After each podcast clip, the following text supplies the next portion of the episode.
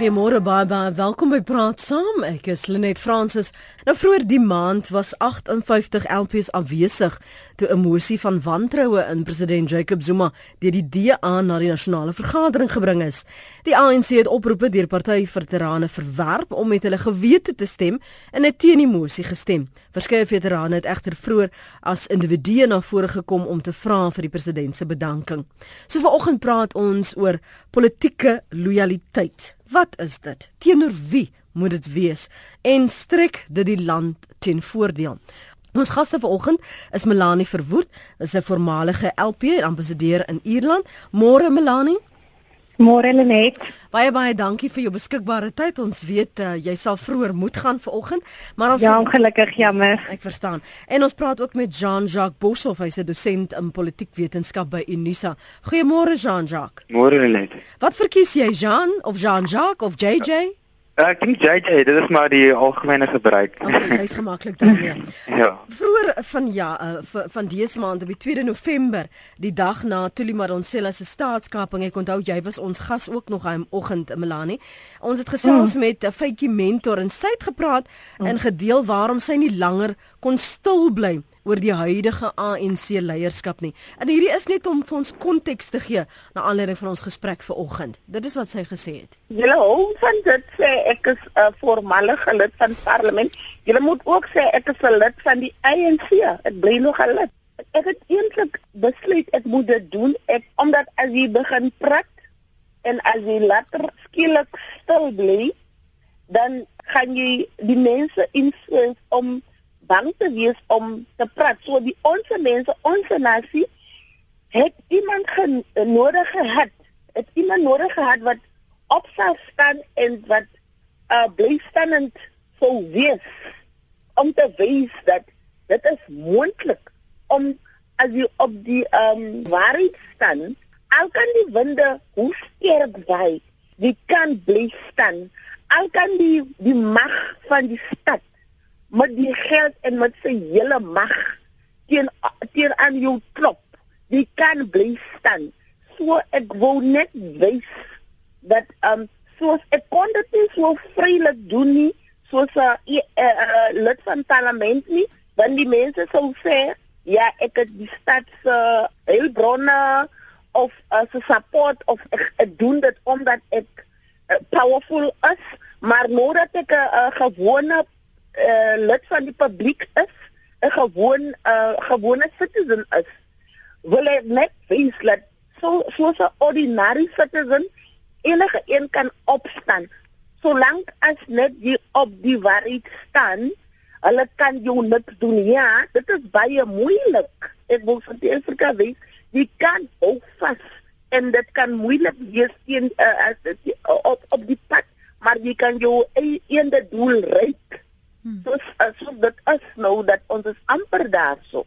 Baie grond wat het begin skief maar tussen daai grondskewing kry jy nou die mens daar is mense wat nou die lig begin sien maar daar is die mense wat sien dinge gaan die kant die uh, uh, by 'n ander kant toe swing ander van hulle gaan hulle praat soos uh, praat soos wat die mense praat hulle gaan begin sê wat die mense wil hoor sommige van hulle hulle is nie ernstig nie want hulle is deel van die korrupsie hulle wil net seker maak as 'n ander um administrasie inkom, dan is hulle aan die regterkant.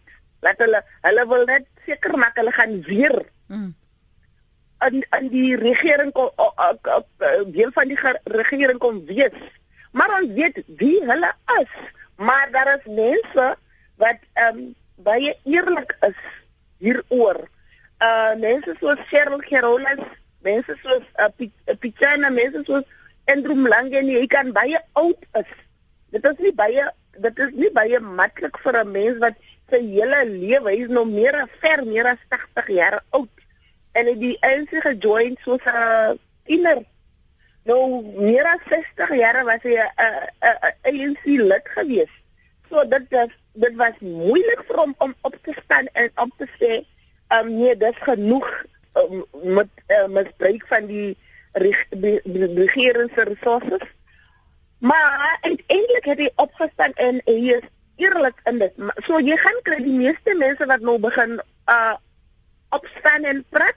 Sommige van hulle is is, is trustworthy, maar sommige van hulle doen doen dit omdat hulle weer seker vermak. Hulle gaan weer nog 'n keer kry om op die regering te sit en ons gaan seker maak dit gaan nie gebeur nie. Hmm. So maar daar is 'n grond wat skief en ons ons ons moet ons moet push en push. Dit gaan moeiliker word voordat dit regkom. En dit was die konteks wat 'n feitjie mentor geskets het na aanleiding van waarom dit vir haar nodig was om uit te praat en om nie stil te bly oor waar sy gedink het daar fout lê binne die huidige ANC leierskap en ek onthou spesifiek Melanie jy het gesê daar's 'n ongeskrewe reël binne die ANC hmm. byvoorbeeld om nie uit te praat nie. Mm. Ja, weet jy nie, ek dink as ons praat oor hierdie hele storie oor partylojaliteit, moet 'n mens daar's daar's so van drie goed wat in my kop opkom. Die eerste ding is natuurlik dat meeste politieke partye oor die wêreld hou hou nie daarvan as mense so van 'n ander pad begin loop of openlik krities is oor die party nie. Daar's jy hou 'n beeld na buite toe jy wil hê mense moet jou vir jou stem. So of dit nou in ons land die DA of die EFF of die ANC is, dit is waar van almal. Die tweede ding is natuurlik dat ons verkiesingsstelsel maak dit moeilik. Die feit dat ons op 'n partylysisteem is, maak dit ekstra moeilik vir mense om uit te praat want jy is nie direk verkies deur mense in jou kiesafdeling vir wie jy dan verteenwoordig sodat jy kan sê vir jou party, "Wel, ja, maar my mense in my kiesafdeling mm. sê nee, jy jy het 'n groot verantwoordelikheid teenoor jou party." En natuurlik as jy die volgende keer wil inkom, dan sê afhanklik van jou party om jou weer op die lys te sit. So dit maak dit baie moeilik byvoorbeeld om teen 'n motie te stem of vir 'n motie te stem wat die ANC gaan laat sleg lyk. Ehm um, en dan is daar derdens die verskillende partykulture en ek dink binne die ANC miskien nog meer as in enige ander party is daar hierdie kultuur van dit is 'n groot familie.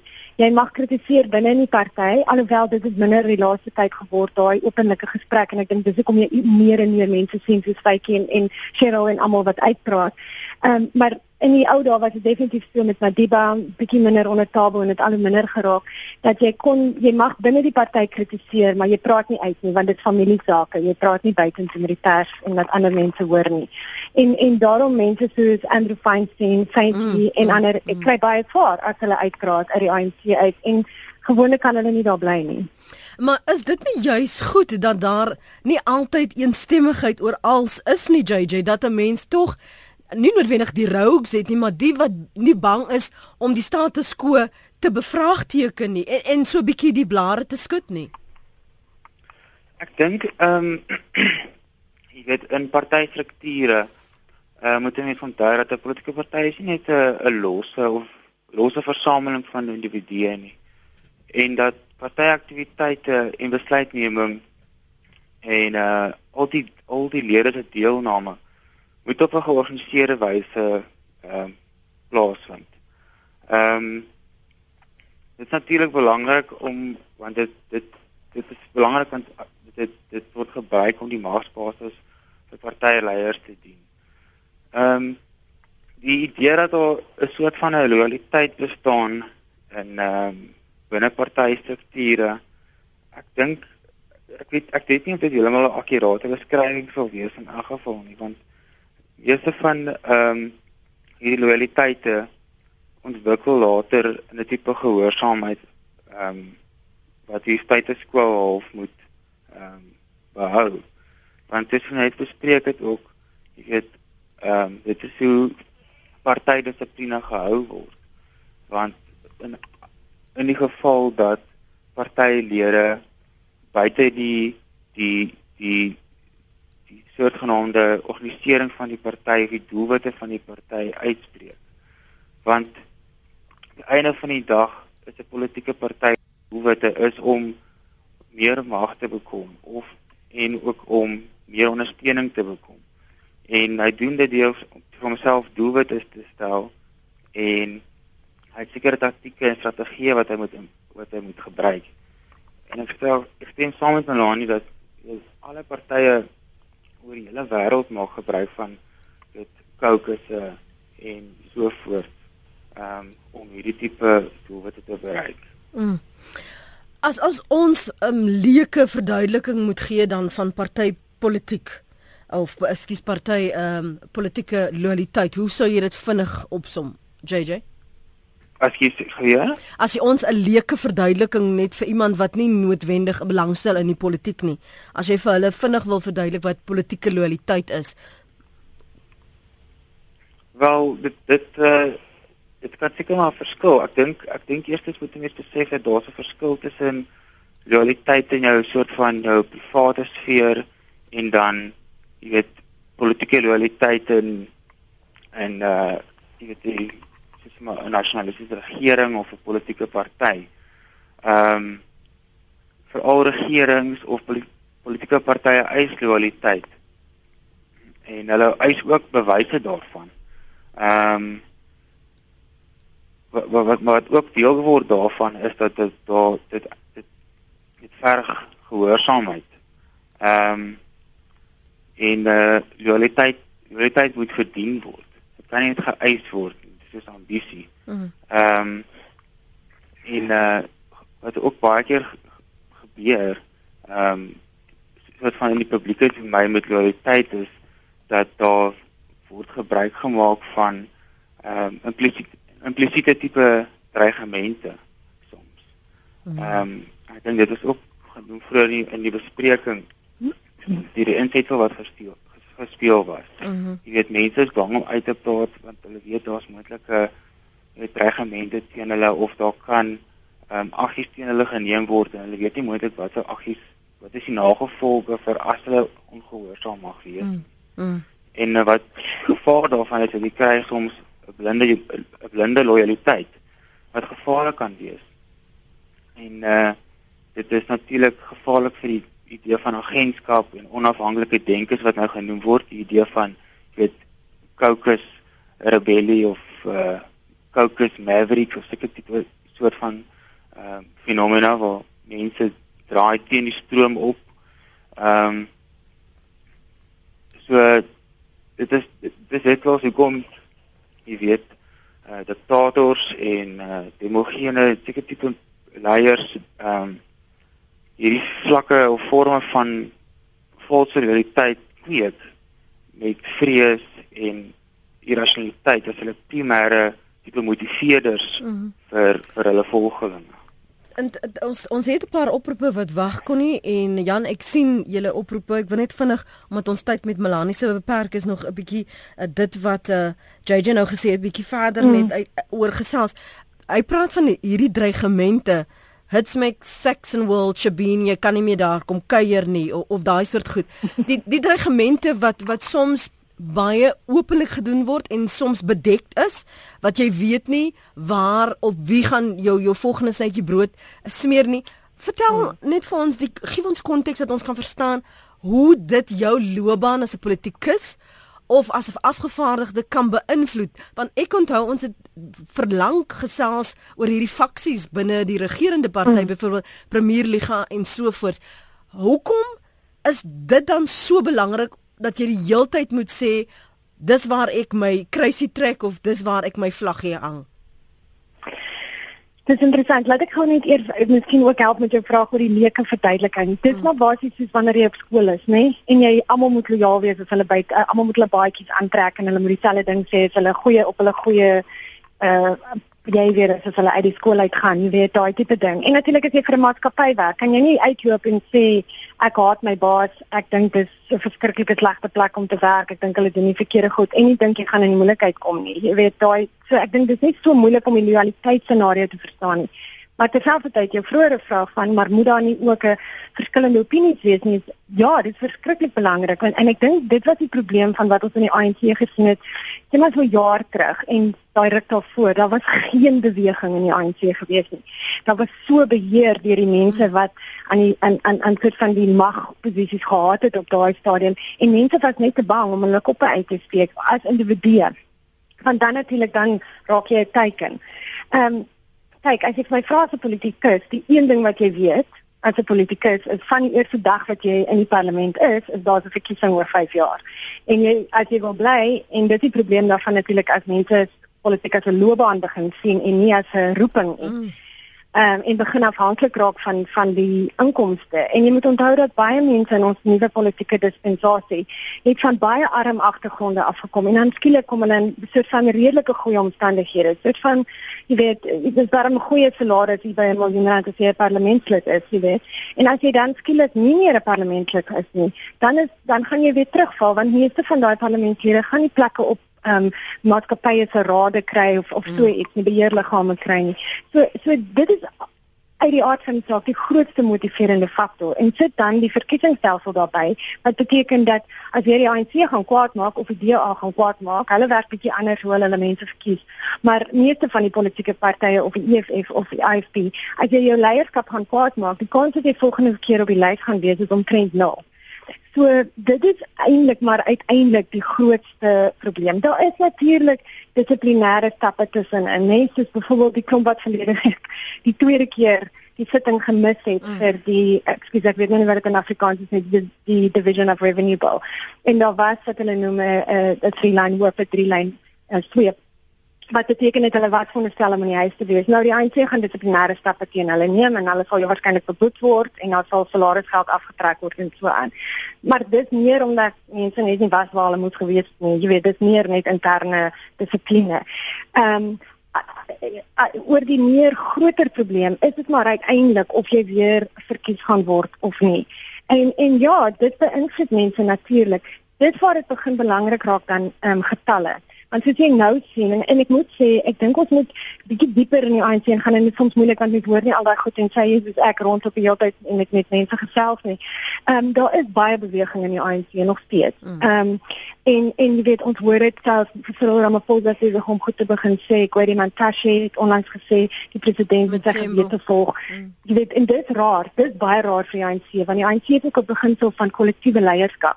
So baie min word een persoon uitgesonder. Jy weet jy dit hmm. gehoor na die plaaslike regeringsverkiesing byvoorbeeld. Ons neem kollektiewe verantwoordelikheid. Meer en meer mense in die kabinet se name spring op. En die veterane praat natuurlik uit. Onthou net met die veterane, dit is vir hulle makliker want die meeste van hulle het ander werke of pensioene of salarisse. So dit is bietjie makliker vir hulle om uit te praat.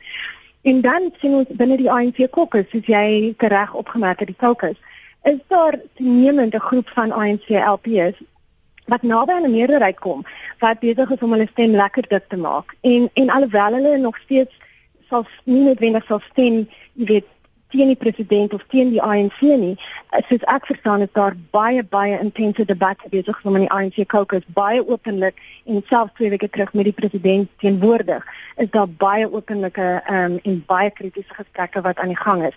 En dit is 'n goeie teken. Dis goed. Dis goed vir ons almal vir die land vir die ANC vir almal Dankie vir die aanhou Jan. Maak jou punt môre. Goeiemôre Lenet.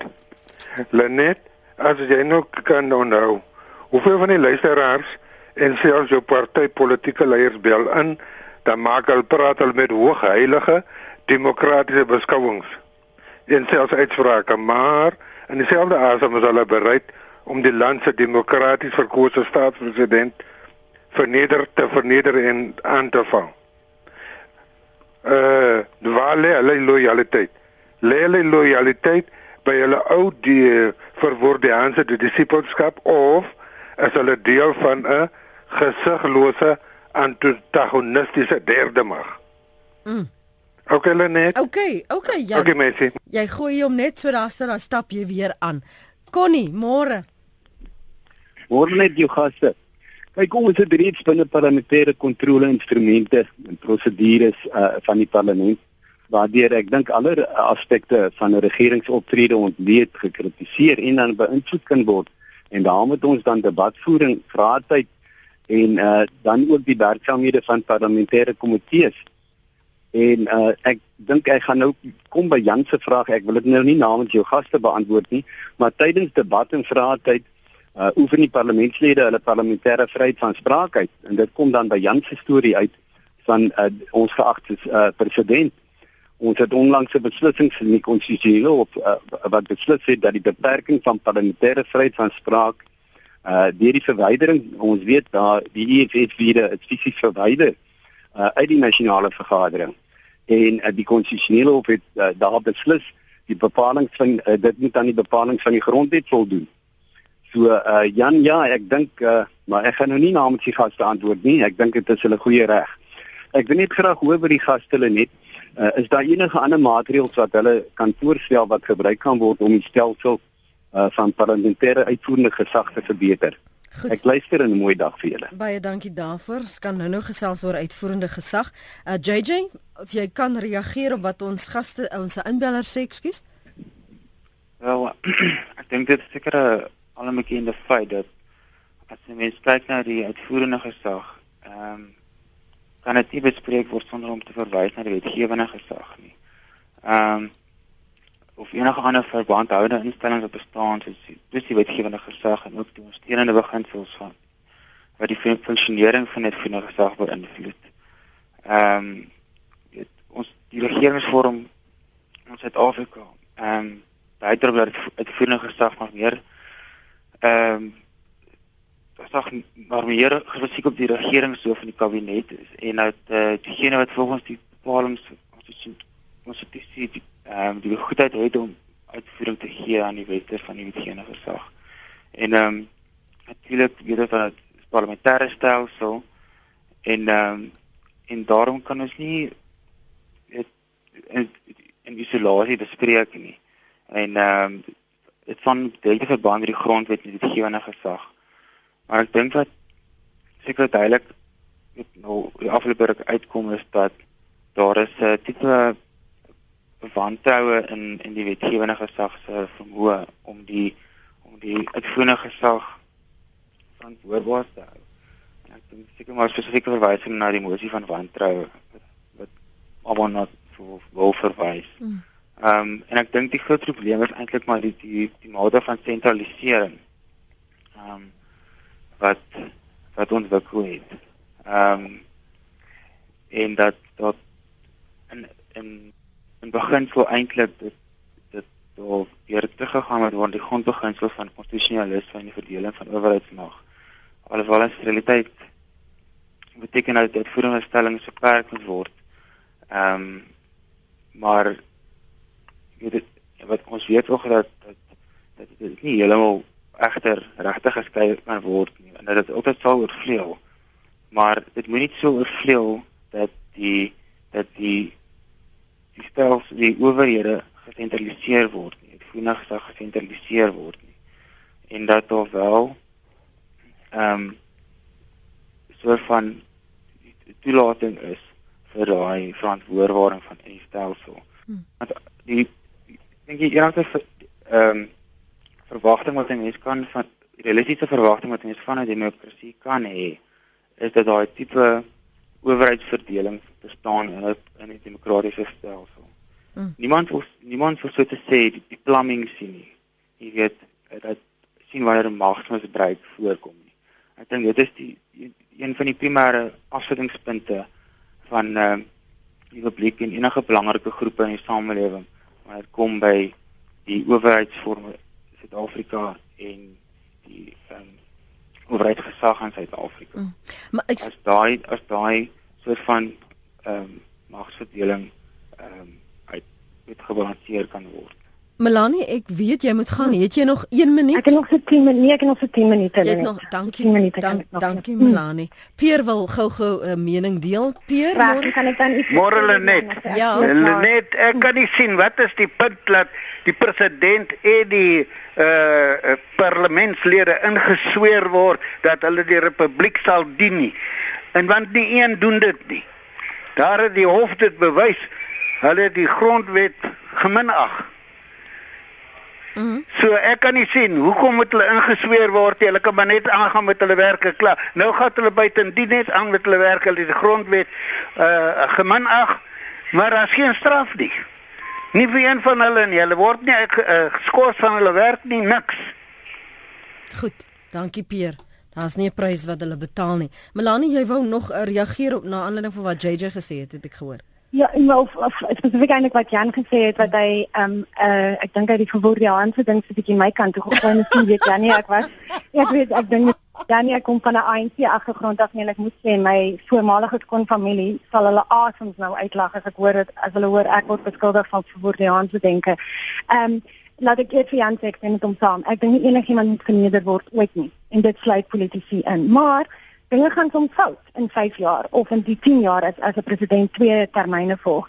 Soos ons nou begin sien, nou kom daar al hierdie korrupsie goed kom uit en en dan dis presies wat demokrasie tog dan van vra en in 'n sin wat peer van ons vra as parlementêre as as landverteenwoordigers om dan te sê uh, uh, dit is nou nie meer goed nie. Nou wat ons nou hoor is nie die regte ding nie. En reg oor die wêreld gebeur dit. Dit het selfs onder apartheid daar gebeur. Onthou toe die kabinet vir PW Botha gaan sê het nee, jy mag nou nie meer langer bly nie.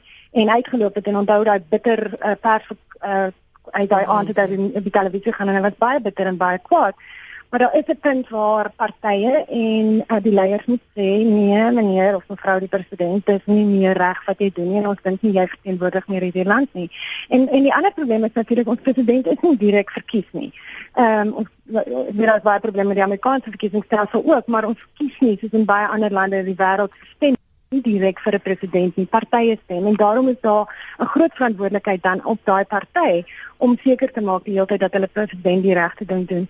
Vir Pierre, ja, Pierre, ek deel die frustrasie wat jy sê sê, maar terselfdertyd moet ek ook sê ons moet onthou daar is jy kan nie al die parlementslede oor dieselfde ou jy weet sê dit almal dieselfde nie hulle is nie.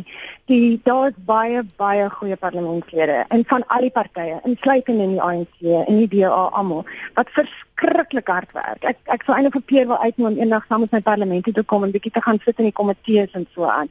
Mense doen goeie werk daar mense werk hard mense wat klei hulle werk vir hulle vir die mense wat hulle voel hulle verteenwoordig.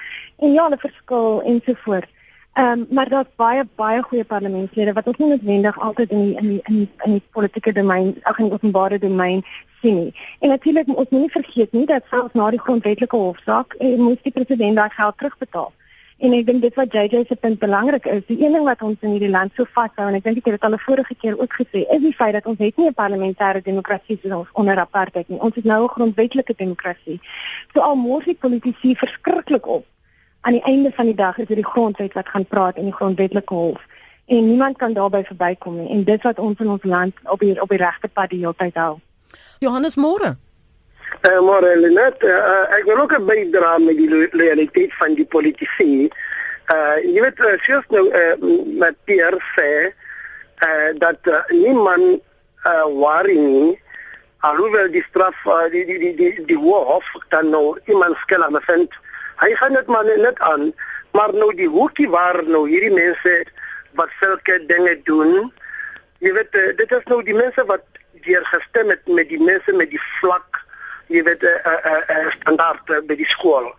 En nou hoe gaan ons nou hierdie storie kan oplos? Want die die, die gevaar wat ons set dit is nou die mense wat nou stem vir wat nie eers ondervindend te sê as jy nou uh, die storie van die loyaliteit van politici uh, hy weet nie en uh, hy het nou die selfe situasie was met die veterane van die uh, uh, regerende party wat ook uh, hulle wil hulle wil nie luister vir die veterane want hulle weet hulle sê veteran gaan na die uh, uh, by die uh, by die uh, branches flat uh, branches hmm. jy weet by die flat branches jy kry net 'n TM en uh, uh, jy word jy sal daai camp eet vir 5 jaar yeah. Ja. en die verder regering party uh, hy het nou afgedaal van uh, 6, uh, 67% tot 62% fix uh, 59 nou is by 54 54% hmm. afgedaal waar is daai mense wat nou vir hierdie mense gestem dis ook loyaliteit van die mense wat nou hmm. stem hmm. en is almal deur 13 miljoen van uh, eh, 94 tot 2016 en is ja. nou dood. Dit is nie meer daar. En as ons nou weer die syfers kyk uh, van nou af tot 2021, daar gaan nog 4 miljoen. Hy gaan afdaal by 54%. Hy gaan nou afgaan na as ons praat 49% nou ons sit met met gevaar. Wat hoe gaan ons nou hierdie mense red? Ja. Met uh, wat jy weet te vlak ondervind, jy weet vlak by die skool en jy weet ja. niks. En as jy nou daar so by die onder jy weet jy gaan nou met die meeting met hulle, jy moet die taal wat hulle nou verstaan dit kan Zulu, Tswana of Sotho. Ja. Ek wil net uh, soos meneer Piet uh, Pier gesit. Ons sit met 'n probleem nou hier sommer die hoek waar nou hierdie mense staan hy hy word nou skuldig bevind hy gaan nou net so om die hoek hy sê ek vra verskoning ja. en uh, dit kom nou reg en almal staan en uh, nou die veterane is nou ook bekommerd om te sê die mense ons wil nou die stem kry van die mense wat nou in 'n hoë standaard van lewe ons wil nie daai stemme sê dit kyk om te niks. Hy kry net 'n temp 30 miljoen is klaar dood en ja. ons wag 4 miljoen gaan nog aangaan. Wat gaan ons nou maak? ek gaan dit daar laat. Ek ek ek ek, ek verstaan wat jy probeer sê.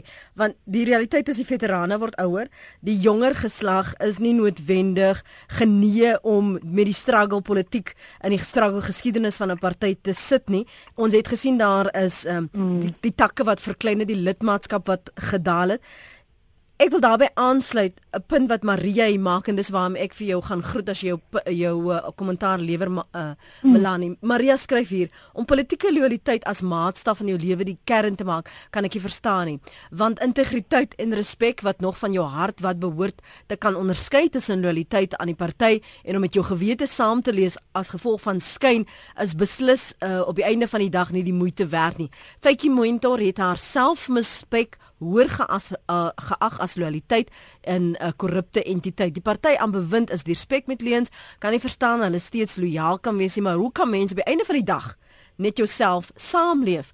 Dankie maar nee, dankie geld en mag bring geen bate in die hiernamaals. So hierdie stryd tussen gewete en salaris hmm. en ook die verwysings wat wat uh, Johannes daar gemaak het. Hmm. Ek dink net om miskien by Maria aan te met Maria daar praat, ek stem 100% met haar saam met wat sy sê en ek dink jy sal vind dat 'n klomp mense in die ANC voel ook so. En dit presies hierdie stryd wat jy voor van genoem het wat ons nou al lank oor praat, hierdie hierdie stryd tussen die mense wat meer nog glo in die ou waardes van die ANC en die wat in die ANC is. As ons nou oor die ANC praat, dit gebeur aan 'n party ook maar net baie baie erg in die ANC op oomblik. Die mense wat die feit dat die ANC in die mag het gebruik om hulle self te verryk en nie regtig oor die waardes van om om hulle om hulle gemeenskap in die land te dien nie. En dit is waaroor hierdie stryd gaan. Die probleem is maar ja dat as almal gaan loop uit die ANC uit wat wel glo aan hulle waardes en aan die waardes van die ANC want mense hoop daarin en dit sekerlik was die geval vir my toe ek aangesluit het by die ANC, was dat ek geglo het aan die waardes van daardie party en mense hoop dat almal wat in die DA en die EFF is, dat hulle daar is omdat hulle glo aan die waardes van daardie spesifieke party. En so die probleem is dat almal gaan pad gee wat wel nog glo aan die waardes en wat wel gewete het en wat wel sterk voel oor sekere beginsels en morele beginsels dan natuurlik dan is jy totale totale disaster want dan is net die slegste mense bly net. En mens kry dit ook nou al hoe meer oor die wêreld dat al hoe minder mense wat regtig morele mense is gaan in die politiek in omdat dit vir hulle so moeilik is en omdat hulle dan ook swart gesmeer word jammer vir metafoor maar mhm. eh, ehm uh, um, met jy weet as as as iemand wat sleg is want die oomblik as jy in die politiek ingaan beteken dit jy nie korrup wees of jy gaan net oor geld jy gaan net oor salaris ek kan ek kan regtig met met my hand op my hart sê ek ken so baie van jou en en ek weet dat dit oomblik in die kokes aangaan. En hoe daai mense verskriklik braaf opstaan in daai kokes en sê dis nie waaroor dit moet gaan nie. Dis verkeerd meneer president jy moet gaan. Dis nie reg nie. Baie braaf. Maar terselfdertyd stem ek ook saam met Johannes dat as ek dink as president mag gaan bly tot in 2019 as president van die land as hy of weer 'n keer ingestem word by die ANC kongres of as iemand anders ingestem is wat wat wat hom gaan hou as as president tot 2010. As dit wel gebeur, dink ek, ehm um, Johannes is reg, dan gaan die ANC onder 50% val. Ek kan nie sien dat die meerderheid mense in hierdie land gaan vir hom gaan dan nog stem vir die ANC nie. En ek dink die ANC en en baie mense in die ANC is besig om hulle somme te maak en dit uit en dit is ook om ons so baie beweging sien. Ehm um, as die ANC dieselfde hoeveelheid stemme kry, so persent persent ehm um, stemme kry so 54% in die nasionale verkiesing as wat en dit moet nou wat hulle in die plaaslike regeringsverkiesing gekry het, soos Johannes gesê het, dan verloor om en by 50 ANC LPs hulle posisies in die in die nasionale vergadering. En dan praat ons nog nie van die uh die die provinsiale regering of die NCOP nie. So dit is 'n klomp mense wat besig is om so van te gaan. O, oh, ek weet nie of ons dit wil hê nie. Ons moet mm. baie vinnig kyk wat die wat wat wat ons kan verander. Johannes is ook reg dat daar en jy dit ook opgebring het. Daar's 'n groot probleem met die jonger mense. Um, ek het 'n boek gedoen vir die jaar saam met 'n ander skrywer mm, van op die Mowa en ons het gepraat met die jong mense wat gebore is in 1994 en hulle stel nie belang in die politiek nie. Hulle is verbitter, hulle voel hulle is nie niks het in hulle lewe verander nie en ons het dit nou gesien weer met hierdie laaste um, studente op proteste. Ehm um, in die ANC spesifiek het 'n baie groot probleem dat daar nie jonger stemme wat besig is om in te kom of vir die ANC te stem nie En as hulle dit nie gaan regkry nie, gaan hulle geweldig sukkel, ook nog nog erger sukkel in 2019. Hmm. Dis waar ons vir jou eers groet, maar JJ gaan nog uh, met ons bly. Baie dankie. Baie dankie vir jou tyd vanmôre, Melanie Verwoerd, voormalige LP en ambassadeur in Ierland. Goeiemôre Fred. Goeiemôre Lenet en jou gaste baie dankie vir die geleentheid. Welkom. Al wat ek wil sê en ek dink ek praat namens die totale publiek. Daar is geen respek op grondvlak vir die parlementbesluite, komitees met enkele uitsonderings. Die atmosfeer in die parlement heers op alle vlakke van die samelewing. Geen respek, gebrek aan produktiwiteit selfs in sekere nie-staatsinstellings nie. Ons onderwysstelsel is die basis vir die verkrummeling. Jy kan nie ekonomies 'n groei of werk skep met so 'n klimaat in die nasie nie. Baie dankie. Dankie vir jou mening daar. Uh, miskien net ook vir die luisteraars sê die, die voorbeelde wat genoem is het ons nou meerendeels gepraat van wat binne die regerende party uh plaasvind maar vroeër wat verlede week dink ek het die raadslede wat uh teen die Kaapse Stadsraad se besluit uh, gestem het, is hulle geskaars want hulle teen die party gestem. Ons het gesien Dr Pieter Mulder het gesê hy gaan as leier van die Vryheidsfront Plus uittreë sodat nuwe leierskap kan oorneem. Sommige sal dit as 'n voorbeeld van politieke loyaliteit uh, bestempel. JJ, hoe moet ons wat moet ons verwagtinge beter gestel? Wat moet ons verwagtinge wees van politici? Teenoor wie moet hulle lojaal wees? Eers die party, die leierskap die land of hul kiesers? Ek dink primêr is die is die kiesers van uh, die hoogste belang vir vir lede van die wetgewende gesag, LPs, politici, ook al mense wil vir algemeen. Ehm um, ek dink dit dit is tog dit is tog die grondbeginsel van 'n demokratiese stel. Ehm um, dit is populêre wil ehm um, as verteenwoordigers van van van van die die die, die uh, publiek en mense daar buite. Ehm um, ek dink die die, die intoeper verwys na tipe klimaat wat heers op die oomblik in respek vir die parlement en so voort. Ek dink die klimaat goeie uh, verduideliking van daardie tipe klimaat is 'n is 'n legitimiteit omtrent hierdie ons owerheidsinstansies, die wetgewende gesag en die, en die uitvoerende gesag. En ehm um, in terme van van die die lewe van die parlement en politici se se loyaliteit teenoor kiesers. Ek dink tot 'n groot mate ehm um, is word word uh, die funksies van die wetgewende gesag uh egter beperk. Mm. Dit wat die, die regering hier lê toelaat. Ehm um, met gewoonlik is die wetgewende gesag is onderwerp aan hierdie deur deur gehoorsaamheid en onderwerping. Jy het nou gesien jy half deur die die kokes en so voort omdat die die party kokes die die besluite deur die party kokes geneem word is is is, is die wetgewende gesag maak van die wetgewende gesag 'n formele tipe goedkeuringsinstrument vir die uitvoerende gesag se besluite. En ehm um, en die nadeel daarvan het ons nou gesien het natuurlik dat skremmers ook ehm um, en 'n party stel so baie sterk partydissipline wat veroorsaak dat die verteenwoordigers mense minder sensitief is vir die voorkeure van kiesers. Alhoewel ons nou of sien nou is is 'n swaai en en mense het begin terugdraai en stroom op um, pad vat. Mm. Ehm um, en dit, dit vroeëne gesag uh, uh, oor die algemeen is besig om is besig om beperkende rol te hê op die wetgewende gesag as 'n bewaker van kiesers. En ek dink daar is nie net was die klimaatomtrent die die parlement ehm um, is juist omtrent hierdie rede.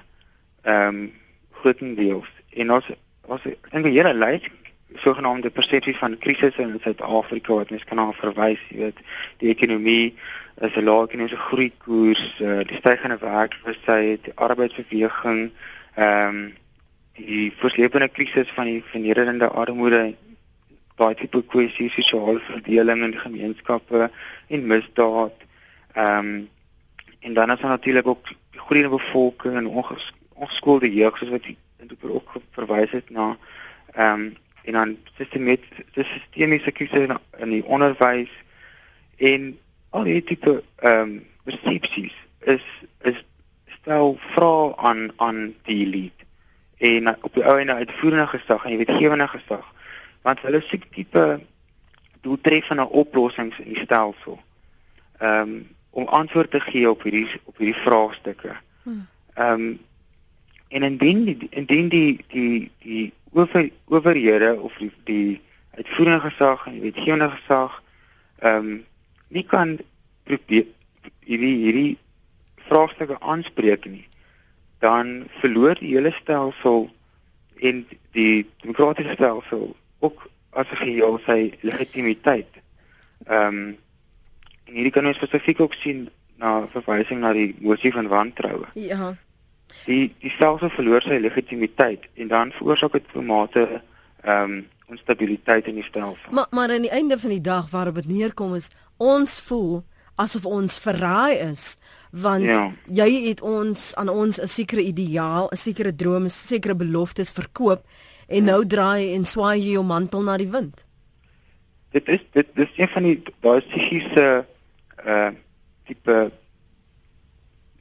aspekte van van die van die omgewing waar ons lewe in die openbare mening. Daar's 'n krisis rondom hierdie geldigheid of die droom wat geskep is selfs tydens die ooreenkoms voor 1994 en tydens 94 met die oorgang en tot wat nou op die oomblik gelewer word met met die aanvanklike beloftes ehm um, sogenaamde tipe sosiale konsensus wat wat nog nie weet werkstellig is regtig nie. Hmm. En ehm um, daar's 'n kwesbaarheid en wanhoop wat bestaan.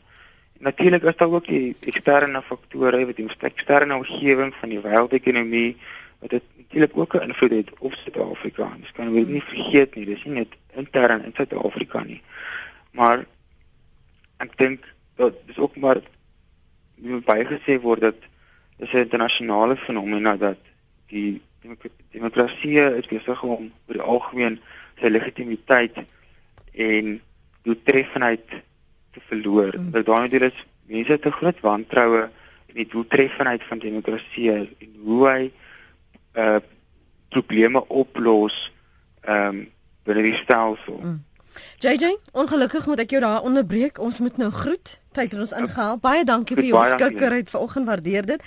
JJ Boshoff, dosent in politiek wetenskap by Unisa. Ons ander gas vanmôre was Melanie Verwoerd.